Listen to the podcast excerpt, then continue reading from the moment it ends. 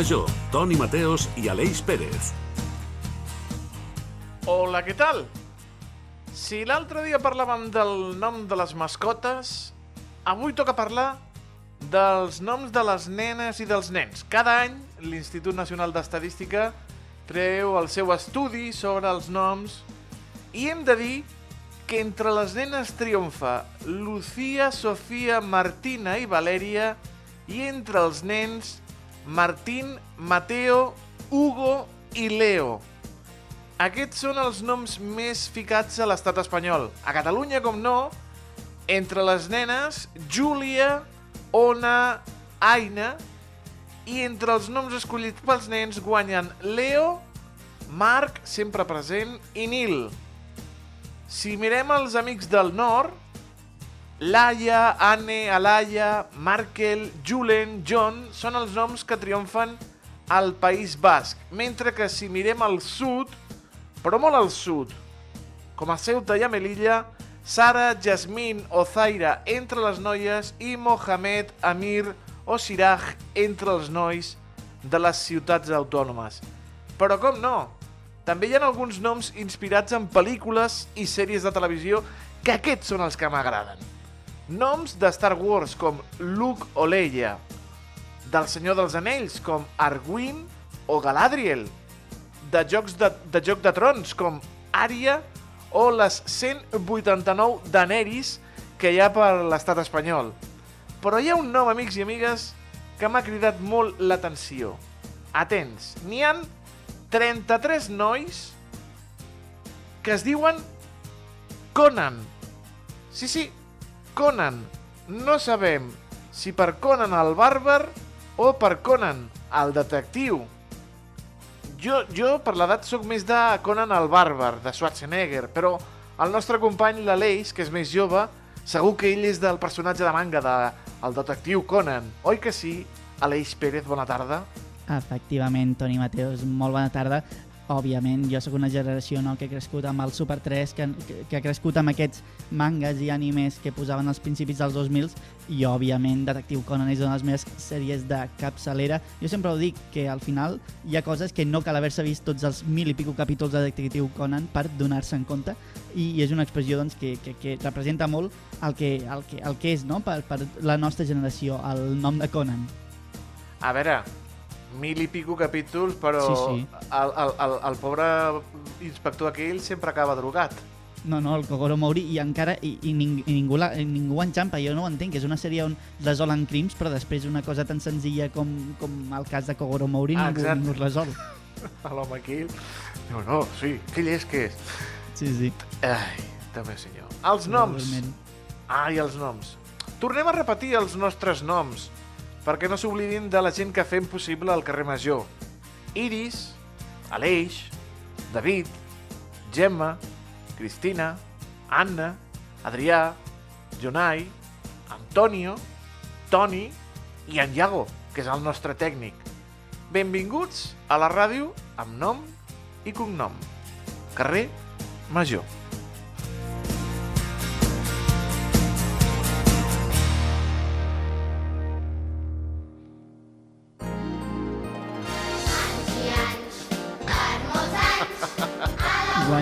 I si hi ha un nom no, que crec que avui sobresurt sobre la resta és el teu Toni Mateus. Moltes felicitats. Què? Com estàs? Gra- Com van els anys? Moltes felicitats a part de tot l'equip de Calé Major, que t'estimem moltíssim. I bé, amb el Iago hem tramat aquí una, una petita, una petita doncs, doncs encerlona, no? Eh, esperem que passis un gran dia i que, i que l'edat doncs, doncs sumi, no? I no resti. Aquí estem veient el Toni Mateus que ens ensenya un regal, no? Que, que, que, ha caigut És- per aquest aniversari. Els companys de Ràdio La Selva i de Canal Camp m'han regalat aquesta magnífica samarreta de Tintín, que saben que és una de les meves debilitats, el món, el món del còmic és, és una de les meves debilitats, i, i bueno, saben que he adquirit recentment uh, una col·lecció caríssima, caríssima, caríssima de, de Tintín, una edició de luxe, caríssima, que dius, Mateus, si ja els tens, però els volia tenir amb aquesta edició caríssima. És, és, un toc. Veig uh, forats a la, a, a la meva estanteria de còmics i dic, aquí quedaria molt bé l'edició de col·leccionista de Tintín i, i pam. En fi, Eh, sí, sí, jo, jo els hi he premiat amb un esmorzar espectacular. Encara estan rodolant per aquí els companys i companyes de, de Canal Camp, d'aquí de l'Orde Iglesias, estan rodolant. Gràcies, gràcies per aquesta petita broma, per aquest petit gest eh, pel meu aniversari. Estic estupendo. 30 i tots. tant. Ai, 40 I i, tots, perdona, 40 i tots. M'estic traient anys. 40 tots. Magnífic i estupendo. I si et sembla, ja que tenim aquí el, el convidat esperant, passem a, a la- a l'entrevista local. Sí, vinga, va, deixem de banda l'aniversari.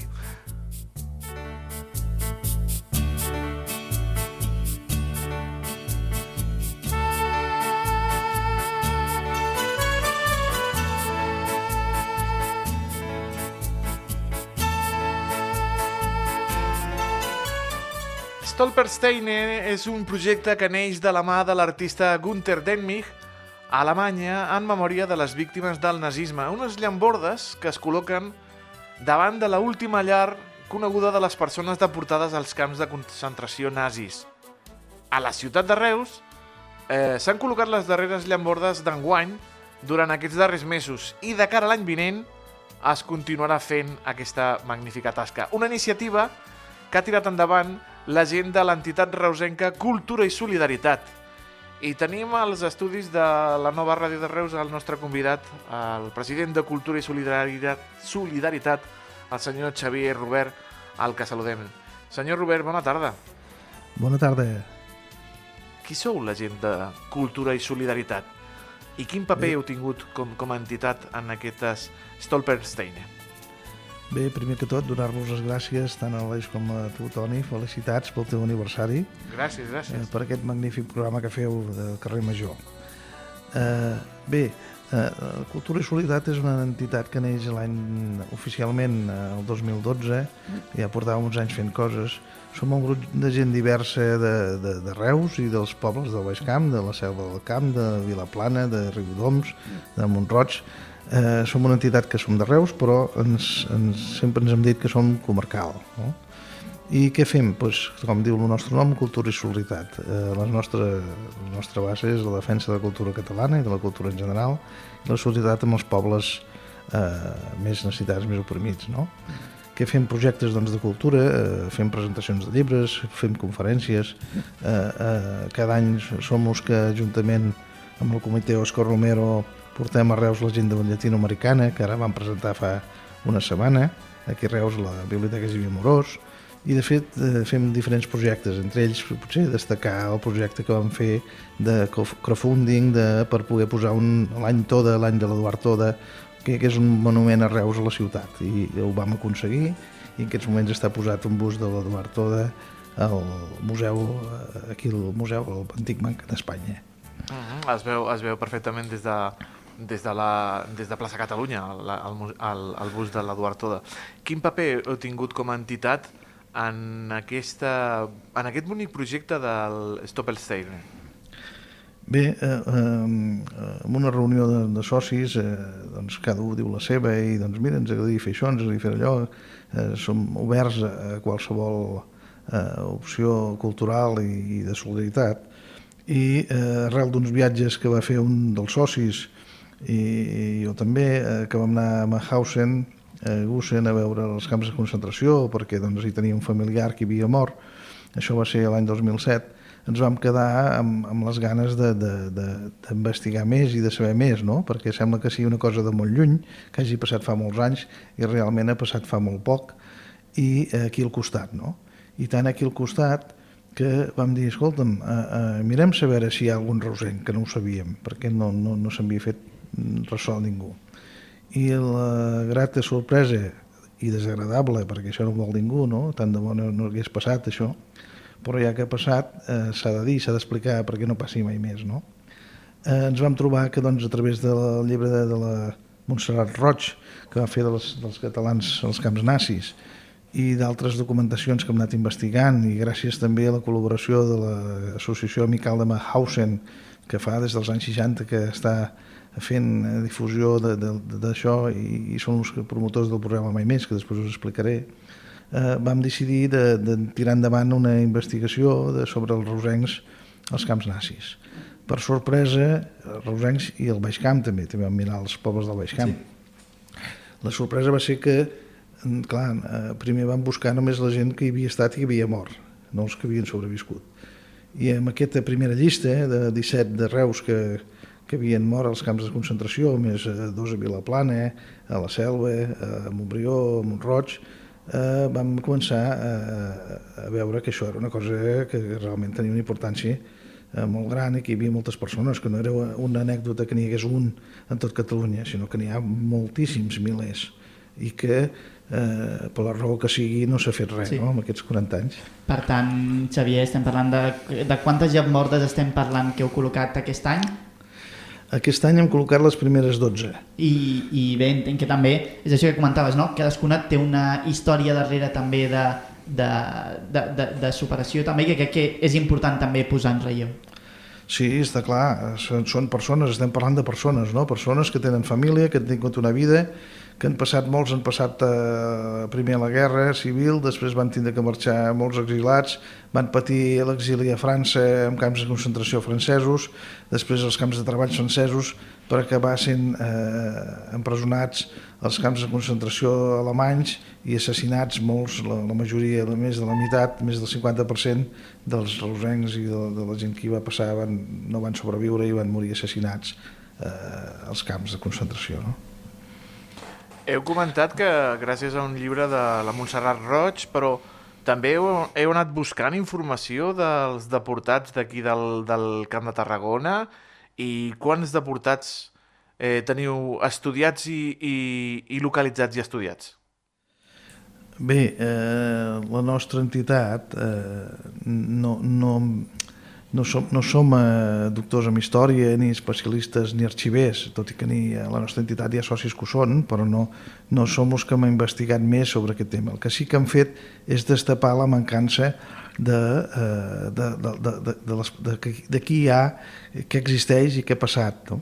Llavors el que hem fet és, és posar-nos en contacte. Eh, una vegada teníem la primera llista, dels, dels 15 reusencs, 17 reusencs que hi havien mort i uns quants dels, dels pobles del Baix Camp, ens vam posar en contacte també, la investigació nostra ha sigut a través de, dels llibres, de la Montserrat Roig bàsicament, després un del Ministeri de Cultura que va treure fa uns anys, després també sobretot amb Amical Mahausen que tenen, tenen molta documentació i porten treballant fa molts anys i s'ha de dir que són magnífics, eh, també l'Amical de Buchenhall, de, de Buchenhall, que és un altre camp de concentració de dones, de Ravensbrück, també de Ravensbrück, i eh, amb tota aquesta documentació vam anar a veure l'Ajuntament, ens vam reunir a l'Ajuntament, estem parlant de que això comença el 2019, o sigui, nosaltres eh, fem, decidim tirar endavant aquest projecte l'any 2019, el 2020 ens reunim ja amb l'Ajuntament de Reus, amb tres regidories, que creiem que són les que, que afectaven el projecte que els hi vam presentar, vam presentar un projecte en tres parts, la primera part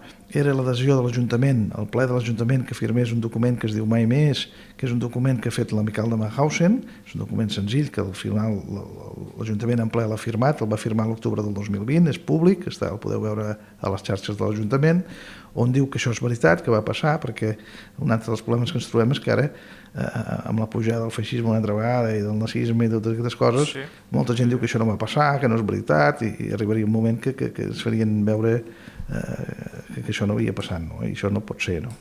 És un dels motius perquè també s'ha d'explicar. L'Ajuntament de Reus, l'octubre del 2020, va firmar aquest document mai més. Després, a partir d'aquí, ens trobem amb la pandèmia, que això ens va frenar, ens ha frenat molt, molt a tots, amb els actes que havíem de fer. A partir d'aquí, si l'Ajuntament de Reus demana el Memorial Democràtic, a través del Memorial Democràtic, eh, eh, el Memorial Democràtic de la Generalitat paga les llambordes, o sigui, és el que demana les llambordes a, a, l'artista alemany, eh, i llavors, eh, clar, amb la, hi ha cua, eh, perquè de llambordes n'hi ha més de 80.000 posades a Europa, amb, amb 1.800 ciutats diferents i en 20 països diferents. A Catalunya en aquests moments ja n'hi ha 500. Eh? La primera llamborda que es va posar a Catalunya va ser Palaneus català, i eh, va ser l'any, el gener, el 25 de gener del 2018. Mm. O sigui que les, les fa, uh, com hem dit, uh, l'autor, bueno, l'artista, el, el Gunther Demnig, se li ha de demanar amb ell per fer aquestes llambordes, no?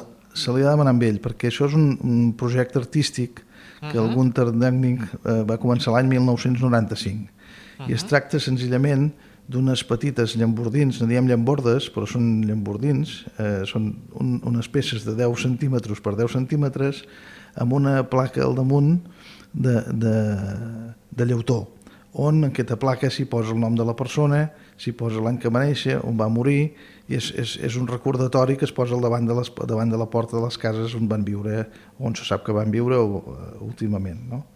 I d'això doncs, es demana directament a l'artista, a través de la seva fundació, del Gunter Demning, i eh, elles van anar fent. Elles van anar fent, però esclar, imagineu-vos, eh, si n'ha de fer 1.000 o 2.000 o 3.000, doncs hi ha una cua, i a més amb la pandèmia, i què passa? Que el, el Memorial de la Generalitat, dels 35 reusencs que en aquests moments ja tenim localitzats, tot i que ara un dels investigadors principals, que és el Joan Navaix, l'historiador Joan Navaix, que s'han cuidat d'investigar juntament amb l'agenda cristià, l'arxivera de Reus, que són els que lideren, diguem-ne, com a professionals que són el tema de la investigació de qui, qui, com i quan i on viuen i qui eren, que ells sí que són els que han treballat el tema a fons, persona per persona. Eh? Nosaltres només els hem passat la llista dels que vam trobar i a partir d'aquí ells sí que han fet tota la feina difícil, diguem. No? Nosaltres hem, hem destapat una mica la, el, que feia falta, no? que, que, que, es, que es parlés d'això, que s'investigués, i eh, ells han, han trobat tota la documentació d'aquests 35 primers que eh, el Memorial Democràtic ens ha donat les 12 primeres llambordes que hem posat aquest any. L'any que ve en posarem 10 més i l'altre any segurament les, les següents. Però com que això no és una llista tancada, sinó que, eh, com ens deia l'altre dia el, el Joan Navais, n'han sortit possiblement 4 o 5 més, doncs eh, ja parlem de 40. Clar, és terrible això. Eh? Sí. Jo volia preguntar, eh, amb la càrrega emocional que comporta això, com ha sigut, com és treballar amb les famílies o inclús també sense la família, també quina càrrega emocional i com, i com us relacioneu també amb els familiars d'aquesta gent?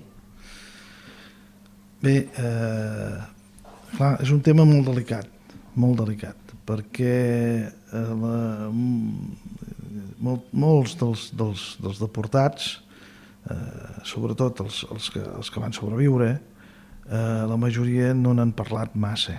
Eh?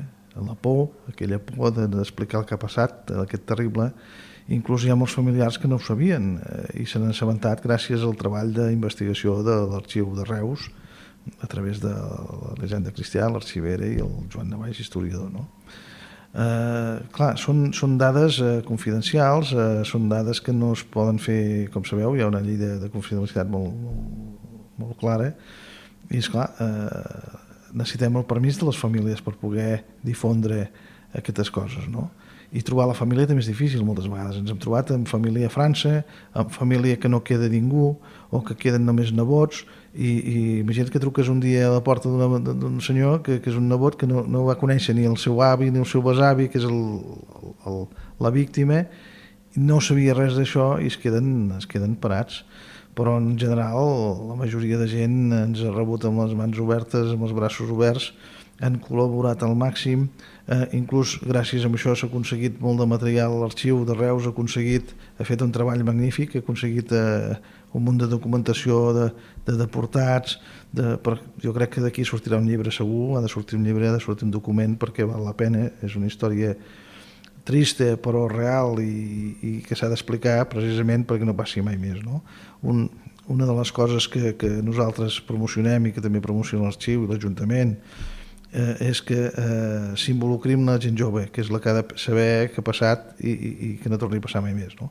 D'aquí que es facin conferències, se preparin eh, cicles de cinema per instituts, que hagin col·laborat ja alumnes de l'Institut Sant Josep a través d'un professor d'història, de l'Eliseu Bàrcena, que ens ha ajudat moltíssim, i nosaltres també a través d'altres col·laboracions, com amb el Centre Lectura, vam organitzar també un cicle de, de, de cinema sobre el tema, hi ha hagut conferències eh, d'historiadors, s'ha portat, se va portar una, a la Rosa Turan, exmembre i expresidenta de l'Amical de Mahausen, historiadora especialista en el tema aquí a Reus, que ens ha deixat ara fa poc.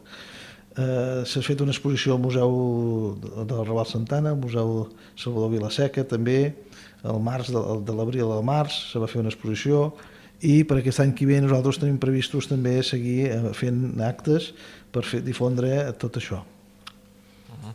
El, fa unes setmanes eh, jo vaig assistir a la, al, al record que es va fer al, al, al carrer Misericòrdia de Reus i preguntava a la gent què és això? Molta gent preguntava en curiosida què era el que estava succeint. No? És, és important no? per retre homenatge, per recordar a les persones que van patir doncs, aquestes eh, deportacions, però també per la gent jove, com ha dit vostè, senyor Robert, no? que sàpiguin què és el que va succeir i que no es torni a succeir mai més. Sí, eh, és així. O sigui, la, la, la principal de, de, de les llambordes, que les Stoppersteins, que en alemany vol dir la pedra d'ensopegar, és que ensopeguis eh, amb el bon sentit de la paraula, que, que t'hi fixis i vegis, ai, què és això aquí terra, no? I mires a terra i veus una placa, una placa de bronze, de, daurada, de llautó, amb el nom d'una persona que hi posa doncs, Mahausen, eh, 3 de febrer del 42, eh, i aquest senyor va néixer, doncs, clar, tenim, tenim eh, reusencs de 21 anys, que els 18 van anar a la guerra, van passar la guerra, van tindre que marxar, es van exilar a França, i als 21 anys els van assassinar a, a, a, en un camp de concentració nazi. Això no ha passat a mil quilòmetres o fa... Això és aquí, al costat de casa, no? Surts de casa i te trobes amb el Salvador Besora, te trobes amb l'Anton Bofarull, l'Enric eh, Calabuig, el Josep Casals, el Pere Casas, el Josep Dols, el Domingo Ezcurra, el Miquel Fort, el Josep Freixes, el Jaume Galtés, el Ramon Gorca, el, la Victor, el Victòria Palau, el Pere Isern, el, bueno, fins a 35 i 5 més que n'han sortit i més que en sortiran, persones com nosaltres, homes, que eh, de totes les classes, eh, fusters, pagesos, treballadors, eh, de totes les cases socials i de, tot, de tots els estaments eh, que van perdre la vida i van perdre una, una part de la seva vida molt important per defensar les llibertats eh, que avui tenim i que eh, no ens pensem que ens les han regalat. Eh, ha costat molt eh, arribar a tenir les llibertats que tenim i no les hem de deixar perdre perquè no es perdi el record. No? I sobretot explicar a la gent jove, als estudiants, als que pugen, que això va passar perquè no passi mai més. Xavier Robert, president de Cultura i Solidaritat, moltíssimes gràcies per acompanyar-nos aquesta tarda al carrer Major, per explicar-nos aquest fantàstic projecte del Stoppelsteine i mai més. Eh, una abraçada, moltíssimes gràcies. Una abraçada a vosaltres, moltes gràcies i que tinguis un feliç dia, Toni, del teu aniversari. Gràcies. Adéu. El valor del Camp de Tarragona. Carrer Major.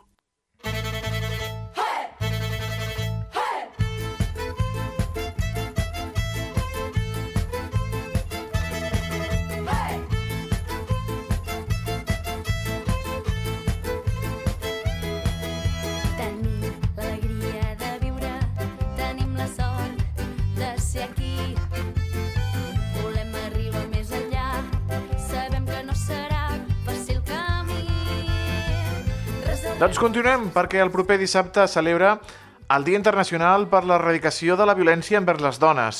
I les dades que han presentat avui els Mossos d'Esquadra són terribles. Creixen un 10% les denúncies. 12 dones assassinades aquest any a Catalunya, 5 víctimes més que en el mateix període de l'any passat. Creix l'assetjament i el trencament de la condemna, i això preocupa i molt. Per analitzar dades i accions hem convidat, eh, com cada 15 dies, a parlar de gèneres, a les bones amigues de l'Hora Violeta, l'Assemblea Feminista Revolucionària de Reus, i avui tenim a l'altre costat de la videotrucada a la Meri de l'Hora Violeta, a la qual saludem. Meri, molt bona tarda. Hola, bona tarda. Dades preocupants. Creix l'assetjament un 62%. El trencament de la condemna un 17%. Xifres preocupants per les dones, no, Mary? Sí, veiem que continuen aquestes dades. Eh, també valorem que les dades oficials tampoc són mai les reals, perquè hi ha moltes que es queden fora d'aquesta comptabilització i, i que al llarg de la història, o sigui, tampoc podem comparar amb dades anteriors perquè és això, hi ha hagut un, un gran nombre de dones en silenci que, que també han patit totes aquestes agressions i, i, que, no, i que no tenim aquest número, no? però, però sí que constata que el patriarcat encara avui en dia eh, ens segueix afectant tant i, i segueix preocupant, sí, sí. Patriarcat, masclisme, el porno, tot això és, es retroalimenta a si mateix, no? Sí, exacte. Veiem que hi ha un... que, que al final és una cosa sistemàtica, no? Eh, veiem que va a, a l'arrel d'una societat que, que sembla que encara costa avançar en, en aquest sentit, en aquest sentit d'igualtat real cap a qualsevol persona que sigui lliure de, de, de ser i de sentir-se com vulgui i veiem que no, que a més també és preocupant veient políticament eh, les últimes eleccions al món, com veiem que és un factor mundial que l'extrema dreta està allà i ens preocupa molt perquè sabem que serem les primeres en, en, en repercutir ca- cap a aquesta eh, eh, repressió de llibertats. 12 dones assassinades en el que portem d'any. Curiós també que cap de les dones tenia protecció, Mary. Sí, eh, veiem també, eh, crec que ahir sortien les dades a, a Reus, eh, de que quasi el 80% de, de, mm, de les denúncies sí que en el seu cercle se sabia d'aquesta violència. No? Vull dir que, que també hem de mirar aquests entorns i, i poder-nos ap a, apoyar mm, mútuament quan veiem que, que està havent-hi aquesta, aquesta agressió, aquesta violència contra alguna companya i sobretot no deixar-la sola. És el que volíem reivindicar justament aquest, aquest any, de que contra les violències eh, suport mutu. I parlem de suport mutu en aquest sentit, de, de que no és una cosa individual, no és una cosa eh, particular d'una relació de parella que mm, les bases no estan ben establertes, sinó que és una cosa que va molt més enllà i que necessitem donar una resposta organitzada i conjunta a, a totes aquestes agressions. També al final, malauradament no, potser el, problema està òbviament en, la, en, la, en, en, en els homes, en la manera en com també hi ha unes concepcions, uns estereotips molt marcats també. Què s'hi pot fer al respecte? Com es pot doncs, buscar aquesta, potser no sé si és la paraula correcta, la de construcció masculina per evitar aquestes situacions? Sí, al final tampoc va sobre si els homes o, o les dones, sinó um, el patriarcat afecta a, a tothom, no? O sigui, està molt arrelat a, al sistema capitalista i llavors és una manera que la societat en general té de, com a percepció aquests dos gèneres i, i aquests rols de poder. Llavors, la part dels homes eh, és que és tota la societat la que ha de canviar. O sigui, clar que, que, que els homes tenen un gran pes en, en, aquesta, o sigui, en, en, en aquesta piràmide de poder i poder, i poder pensar des de quin privilegi estan, estan pensant i estan actuant quan, quan estan doncs, socialitzant en general.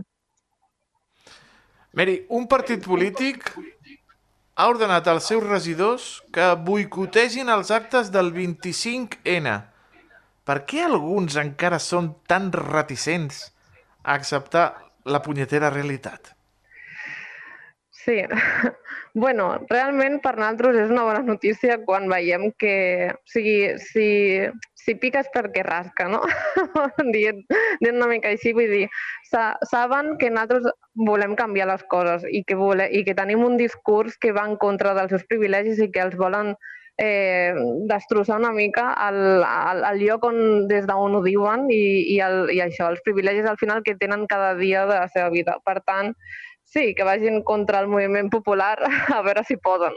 No? Vull dir que al final és un... Clar que costa canviar, però perquè és això, volem canviar tot. I llavors som una superamenaça i som les primeres que, que ho sabem i que és això, reivindiquem el contrari de dir, doncs pues mira, contra més poder ens donguin, perquè com més feminazis ens diguin que són, que som, eh, realment és perquè, bueno, els hi està arribant. I si els hi arriba a ells, també els hi arriba a l'altra part de la societat que sí que ens fa cas. Llavors, per nosaltres està bé. és molt trist, El que- està clar, però, però també ens dona aquest rol de poder de dir, doncs bueno, el que diem a les manifestacions i el que diem al carrer eh, es traspassa a les institucions d'alguna manera, no? Doncs, bueno, ens està, està arribant el nostre discurs a, a tot arreu, que al final és, és el que busquem. Exactament, i segur que els arribarà les manifestacions del, del 25N com la d'enguany a Reus, on sortireu des del Mercat del Carrilet. Sí, exacte. Eh, veiem del, dels últims anys, la- l'any passat, per exemple, ja va ser un èxit. Eh, creiem que aquest dissabte també serà un altre èxit de, de ser moltes companyes, d'estar totes allà i, i realment veure que aquest moviment eh, no mor i que portem molts anys al peu del canó i que és això, estem aconseguint canvis en dins de les institucions però també fora, que és important, que, que s'avanci cap a tots els sentits. Llavors, veiem que, que això, que el moviment feminista, mm, des del 2018, sobretot, que va ser la primera vaga general, el 8 de març, eh, veiem que, que estem allà i que hi ha moviments del MeToo, hi ha moviments ara eh, d'altres companyes que veiem que continuem i que, i que això no, no té aturador. És necessari sortir al carrer el dissabte, acostar-se fins al Mercat del Carrilet a les 6 de la tarda per acompanyar-vos, però també és necessari lluitar cada dia de l'any, que es pot lluitar no només el dissabte. Sí, exacte. Eh, justament tenim una pancarta aquest dissabte que fica avui i sempre organitzades, perquè al final són moltes organitzacions que, que formem part d'aquesta plataforma organitzativa d'aquest dissabte, que fem feina tot l'any, que cridem a la gent a, a sumar-s'hi, a sindicalitzar-se al- als sindicats combatius, a formar part dels col·lectius feministes, a formar part del que sigui. Al final, des de l'organització des de la lluita és, és on, on aconseguim doncs, continuar amb aquest moviment i amb aquestes bases i, i aquest discurs eh, que no ens poden trencar per, per enlloc. Tant de bo el 25N no s'hagi de celebrar res, desaparegui aquest dia internacional per la erradicació de Sí, la violència envers les exacte. dones, no? No, no només el 25N, ojalà el 8M no fes falta tampoc tenir un dia de la dona treballadora. No? Vull dir, anem, an, anem aquí, anem a, a, a canviar-ho tot i, i per això dèiem que el feminisme um, és que és la, és la base de qualsevol tipus d'esperança de vida. No? O sigui, el que parlàvem és de, de tenir esperança, perquè a vegades veiem que dins de totes aquestes crisis uh, les que sortim d'una i entrem en una altra, i si no és una pandèmia mundial i si no és una crisi econòmica, eh, el feminisme eh, fica la vida al centre i el que vol és, és això, construir des de zero una societat en la qual eh, tothom tingui cabuda, tothom estigui feliç, tothom tingui esperança de vida, de voler viure i viure bé, amb condicions dignes, i per això s'ha de lluitar cada dia. Sí. Mary de l'Hora Violeta, l'Assemblea Feminista Revolucionària de Reus, moltíssimes gràcies per acompanyar-nos avui i ens Gràcies veiem dissabte pels carrers. Moltes gràcies. Ens veiem dissabte. Que vagi bé, gràcies. Adéu. Estàs escoltant Carrer Major.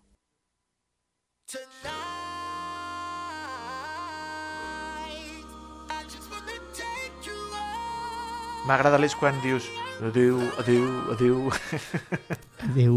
adéu, Sí, adéu, adéu. Ara li hem de dir hola, hola, hola als ODS, no? Efectivament, aquests magnífics ODS, ja ho sap la gent que ens escolta fidel al programa, que són els Objectius de Desenvolupament Sostenible, que ens marca l'Organització de, l'Organització de Nacions Unides i que ens agrada doncs, destacar aquí a Carrer Major. Avui farem parada a Bona Vista i és que aquest barri de Tarragona el diumenge a la plaça de la Constitució hi haurà una fira d'entitats solidàries. Això ho podem englobar dintre de l'ODS número 10 de reducció de les desigualtats i també el número 12 de producció i consum responsables. Per parlar-ne teníem nosaltres a José Martín, portaveu de la Federació d'Associacions Veïnals de Tarragona. Molt bona tarda, José. Hola, buenas tardes. Bé, primer de tot, amb qui organitzeu aquesta fira i per què la impuls- la impulseu? Bueno, aquesta fira l'organitzador som la Federació d'Associació de Veïns de Tarragona i eh, el, Fòrum, el Fòrum Espai Cultural aquí de Bonavista. Eh, la propuesta era pues hacer visible a todas las entidades sin ánimo de lucro como son pues y que buscan el bienestar eh, de la gente, como es Neyman Peak, como puede ser Todos en Azul, eh, Lucha contra el Cáncer, eh, no me quería dejar ninguno, o sea, lucha contra el cáncer, está también Epilep, está también Caritas, Comedor Social, y bueno, lo- la idea es hacerlas visibles en- y que la gente sepa el día a día de esta, de esta gente. I com va ser una mica el procés? Vau fer una crida a les diferents entitats o va ser una mica al revés, que potser les entitats van dir ei, podríem fer alguna cosa conjunta? Bueno, nosotros desde la federación tenemos una mesa, que la llamamos la mesa de entidades, en la cual pues nosotros eh, durante todo el año, eh, por individualmente, pues por ejemplo, Epilep nos viene y nos solicita ayuda, pues yo qué sé, pues necesita sonido para hacer un acto que tiene que hacer. Nosotros se lo prestamos, si necesitan cualquier cosa de nuestro centro de recursos, se lo prestamos tanto a Epilep como a, a todos en azul, como todo eh, eh, Caritas también ya estamos haciendo varios congresos entre diferentes asociaciones para, para darlo a conocer. Y bueno, pues cada vez nos piden ayuda, pero normalmente una vez al año nos gusta pues darle pues la oportunidad de que ellos tengan su mesa y que puedan hacerse visibles delante de la gente, ¿no? Entonces hacemos este llamamiento. Ya es el tercer año que lo hacemos. Empecemos en el mercado de Bonavista, lo hicimos en la anilla olímpica, o sea, la anilla, en la anilla de aquí de Tarragona, y ahora pues lo vamos a hacer hoy, este domingo lo haremos en, el, en la Plaza de la Constitución de Bonavista. aquest canvi d'ubicació. Bé, aquesta fira és solidària. Què significa? Entenc que també com, com voleu fer-la solidària?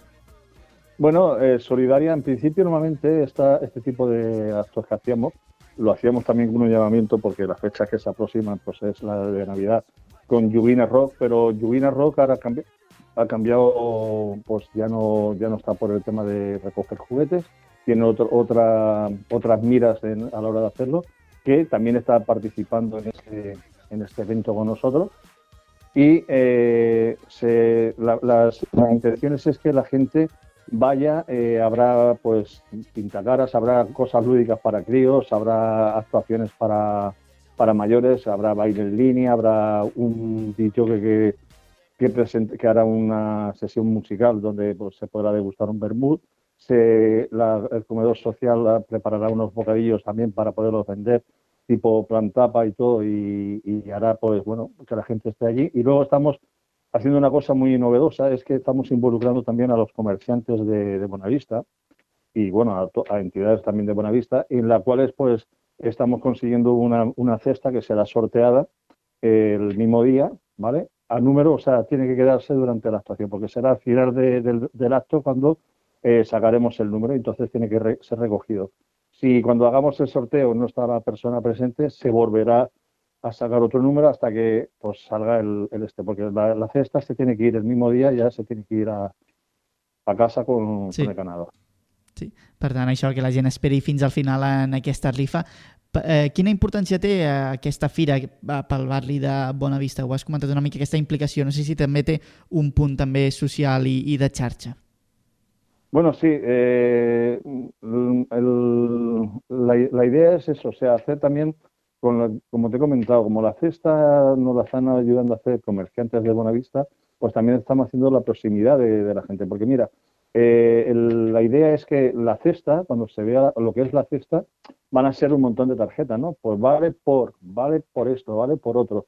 Donación de pollería Monse, donación de Peña, donación de panadería Peña. Cualquier persona, que cualquier entidad, cualquier comercio que nos está dando esta ayuda, eh, pues sale reflejada en esa tarjeta. Y no se, no se le va a dar el producto que dona el comerciante.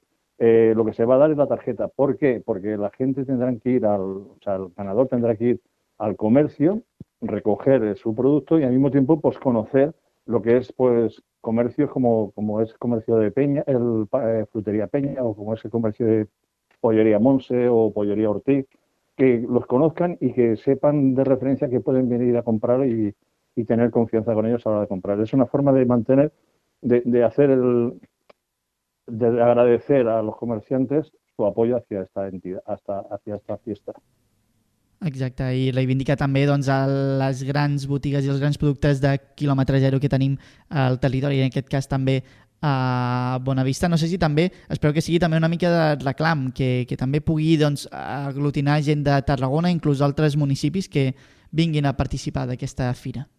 Pues sí, mira, también da la circunstancia, el hacerlo, teníamos, mira, tenemos la duda de hacerlo en Buenavista o de hacerlo en la Anilla Olímpica. Al final se decidió de hacerlo en Buenavista porque el domingo está el mercado, el mercado, el mercado que se realiza todos los domingos en Buenavista. Tenemos comerciantes también de- del mercado que participan también en, esta cesta, ¿vale? O sea, dando, pues donando algún producto de los suyos. Pero nosotros empezaremos a hacer visible a toda la gente que está en el mercado, les repartiremos propaganda del acto que se está haciendo, que se estará haciendo en la plaza y hacer que la gente pues baje hacia la plaza y que, que pase un rato allí con nosotros, eh, se tome un vermú, que haga un ratito y luego ya pues se pueden ir para casa. Y de paso, bueno, también los bares que están en la plaza también van a contribuir también ellos en el tema de tener abierto su, su espacio para que la gente pues también pueda ir a tomar su, su aperitivo también si quieren allí a los bares del lado. I tot això sense oblidar doncs, totes aquestes entitats no? i associacions que formaran part d'aquesta Fira Solidària. No sé si quanta gent espereu aproximadament, si espereu més gent, menys gent, depenent d'altres edicions. Bueno, eh, en principio, cada vez que se ha ido haciendo, empe- cuando empecemos haciéndolo aquí en el mercado de Buenavista, luego en la Villa Olímpica, siempre ha ido a más, ¿no? Nunca ha ido a menos. O sea, también estamos entendiendo de que la situación como está hoy en día, el- la economía, como está también el- el- los productos tan caros y todo esto, a lo mejor la gente eh, se retraiga ahí, pero bueno, esperamos que, que participe. Nosotros esperamos un, un buen número de participantes y eh, sobre todo lo que importa mucho es dos cosas. Uno, que venga gente recaudar dinero para estas entidades y, dos, que estas entidades que están presentes, como que sepan la gente en qué trabajan, cómo trabajan y lo que pueden hacer por ellos estas entidades. Sí, i per anar acabant, bé, si vols donar un missatge a tota aquella gent que pugui arribar-li a interessar, doncs a animar-los a, a venir.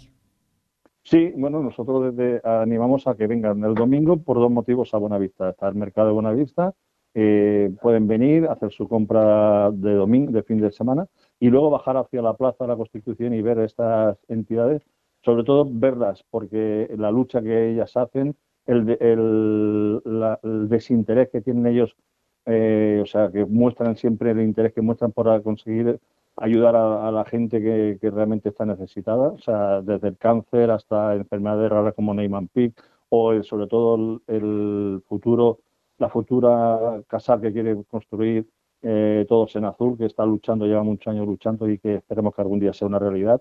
Y lo que hace, por ejemplo, David Epilep, eh, ayudando a mucha gente con su, con su esfuerzo, con su capitán Epilep. Molt bé, doncs moltíssimes gràcies pel teu temps, per, per explicar aquesta, aquesta iniciativa. José Martín, portaveu de la Federació d'Associacions Veïnals de Tarragona, que vagi molt bé la jornada del diumenge i esperem que en feu moltes més. Esperemos eh, que esta, bueno, piensa que esta es la tercera y esperemos que hayan otras cuantas más todavía más para adelante. Moltíssimes gràcies, que vagi bé. Ven, muchas gracias a Valtrus. És un La proximitat plan, del Camp de Tarragona. Carrer Major. Ara, ara, et dic que és Ara, un ara, fantàstic plan anar, per diumenge, mira't. Vas a, a Bonavista, fas la compra al mercat, després fas unes braves a Bonavista, que hi ha un bar, no diré el nom, però Com que no diràs el nom? és un paraíso. Ui, ui, Ai, ui. on fan unes braves boníssimes, Sí. eh? és, un bar, és un paraíso. I després t'acostes a la Fira d'Entitat Solidària, organitzada per la Federació d'Associacions Veïnals de Tarragona, i escolta, ja tenim la, el matí de diumenge, ja el tenim enllestit, tu, Aleix. És fantàstica aquesta, aquesta iniciativa. Una mica de música? I tant. Així acabem Vinga, de va. rematar, no? Una mica el dijous. Vinga, va, a veure com sona la banda sonora que ens ha preparat el David Fernández. Anem a escoltar una miqueta de música.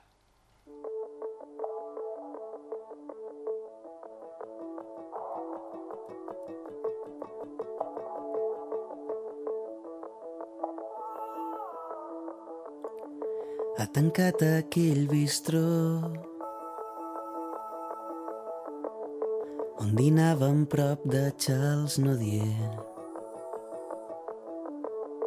El regust d'un record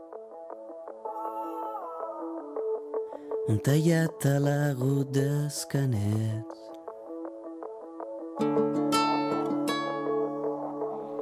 Doncs sona molt bé. Sona a música d'autor i volem conèixer més detalls de la banda sonora que ens ha preparat avui el David Fernández des de la nova ràdio de Reus, la nostra enciclopèdia musical, la nostra Wikipedia de la música del Camp de Tarragona.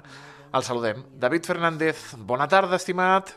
Hola Toni, hola Aleix, molt bona tarda. Avui fem parada a la ciutat de Reus per escoltar la música d'en Franqui Boronat, un músic que després de sis anys com a cantant del grup Plombiers, amb qui vam treure dos discos, L'any 2022 va engegar la seva trajectòria en solitari.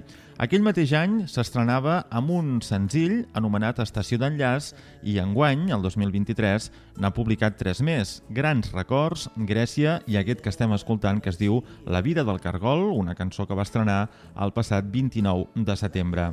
El Franqui Boronat, quan ho va deixar amb els Plombiers, va començar un trajecte en solitari i va presentar l'espectacle L'expansió de l'ànima, que ha estat rodant en format acústic per diversos bars i sales del territori.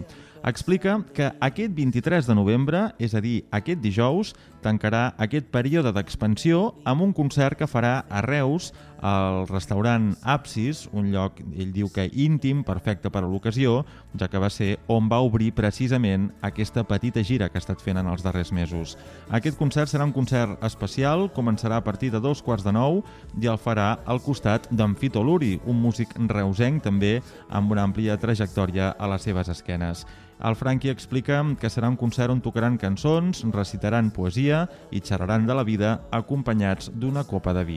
Per tant, una proposta que us fem per aquest dijous, a dos quarts de nou, aquest concert, Franqui Boronat i Fito Luri, conjuntament a l'Apsis de Reus. Avui, doncs, aquest cantautor reusenc és la banda sonora del dia del carrer Major.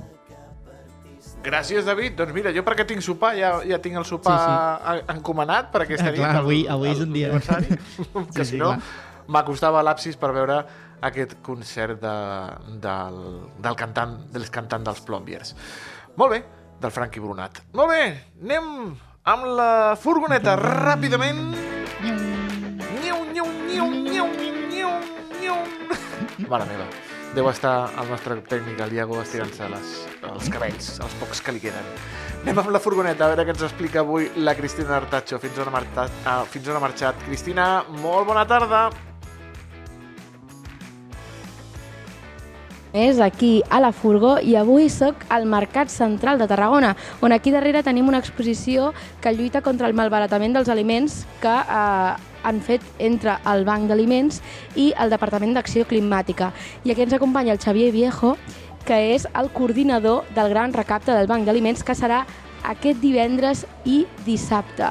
Quines perspectives hi ha pel gran recapte del 2023?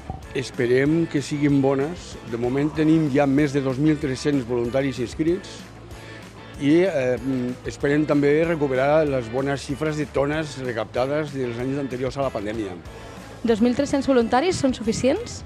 Voldríem arribar fins a 3.000, de manera que animem i agraïm molt la col·laboració de la gent que s'està apuntant a la nostra pàgina web, Banca Aliments Tarragona, eh, perquè s'apuntin i col·laborin en el recapte.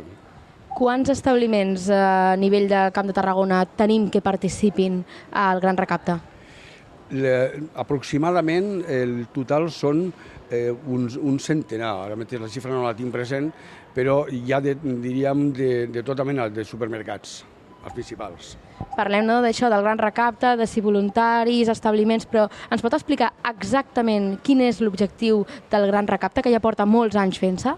L'objectiu és recaptar ali- aliments concrets, eh, els que eh, prioritzem són els eh, clàssics, llet, arròs, oli d'oliva, llegums, pastes, llaunes de conserves tipus de tonyina, d'una banda, i també, en alguns supermercats, només eh, aportacions monetàries. Però en general la majoria de supermercats accepten tant el producte com diners. Els voluntaris llavors el que fan a l'entrada del, del centre comercial és lli- lliurar als clients la bossa on poden dipositar els productes, que van després a una capsa molt grossa que anomenem banyeres, i si volen, alternativament, aportar diners quan vagin a la caixa. La diferència vindria a ser no, que si tu vas a l'establiment pots comprar el que creguis més convenient, en canvi si es donen directament els diners al banc d'aliments, des del banc d'aliments compreu aquells aliments que veieu prioritaris, no? Això mateix, és a dir, eh, per una banda el que recaptem en el recapte són eh, productes que ens venen molt bé, però hi ha altres que en ocasions ens falten i a partir dels diners, de les aportacions que van els clients o les institucions, com per exemple la Diputació de Tarragona, l'Ajuntament de Reus i altres institucions, amb aquests diners comprem, adquirim allò que, és, que ens fa falta. Hi ha alguna xifra que des del Banc d'Aliments s'hagin marcat com a ideal per recaptar, per poder cobrir totes les necessitats? Nosaltres tenim com a fita, com a dada important, el que teníem de recapte en tones abans de la pandèmia, que eren aproximadament 450 o 500 tones d'aliments.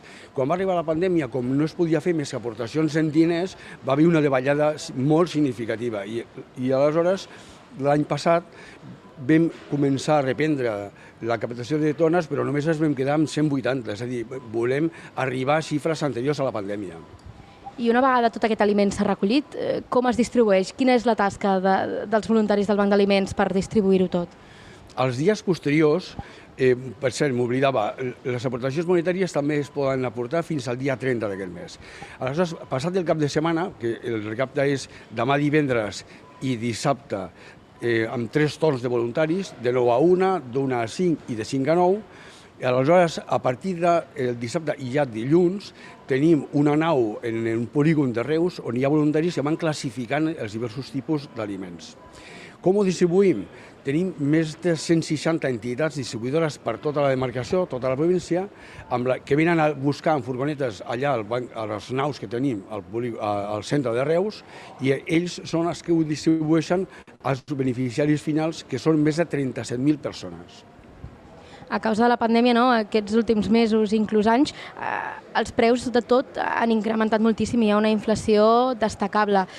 Això influeix en la quantitat de persones que necessiten aquest aliment i que necessiten aquest suport? Clar, clar, clar que ha influenciat i hem passat de eh, proveir d'aliments amb unes 20 i tantes mil persones a la xifra actual que tenim, que són més de 37.000 en tota la província, de les quals més de 4.000 són menors i més de 1.000 són lactants que per cert hi ha productes per lactants com la llet en pols que són veritablement cares. És a dir, que eh, ha augmentat la, la xifra de persones que tenen eh, necessitat dels nostres aliments. Per cert, cal dir que són persones prèviament acreditades amb els serveis socials dels respectius ajuntaments. Què li diria vostè no, a, a la gent perquè s'animi a, a participar del Gran Recapte? Doncs que en, veritablement fa molta falta a moltes persones, a moltes famílies que necessiten que, eh, aquests aliments i aquests productes que subministrem. Fins i tot ara farem una, com a novetat una mm, distribució de productes d'higiene, productes de neteja i concretament productes d'higiene femenina com eh, compreses o copes menstruals, perquè també són productes cars que eh, són necessaris per moltes persones que no arriben econòmicament qualsevol aportació, per petita que sigui, suma. I tant que sí. És molt important que la gent tingui consciència de les necessitats d'aquelles persones que eh, necessiten aquests aliments. De manera que ho agraïm moltíssim des del Banc d'Aliments, tant els que facin l'aportació al recapte com els voluntaris que col·laborin amb nosaltres, clar. Perquè això és una altra cosa. Sempre tenim present el gran recapte que arriba una mica coincidint amb ja quasi Nadal, però el Banc dels Aliments treballa tot l'any. Sí, així és. Nosaltres estem permanentment distribuint aliments. El nostre programa informàtic calcula, segons la xifra dels beneficiaris de cada punt de distribució, el tipus d'usuaris i aleshores ja es calculen els quilos eh, per persona i més que necessiten. De manera que és una, una activitat durant tot l'any. Doncs ja ho saben, aquest divendres i aquest dissabte el gran recapte del Banc dels Aliments, qualsevol aportació per petita, per petita que sigui suma i, i ajudarà moltíssimes persones. Moltes gràcies al Xavier Viejo, coordinador del gran recapte aquí a la província de Tarragona. I res més, gràcies. ens veiem a la propera furgó. Adeu. Gràcies. Gràcies, Cristina. Fins demà. Nosaltres fem demà un programa especial des de Torre d'Embarra, Premis Manyer i Flaquer. No s'ho perdin, aquí al carrer Major, a partir de les 4. Fins Adeu. demà. Adeu.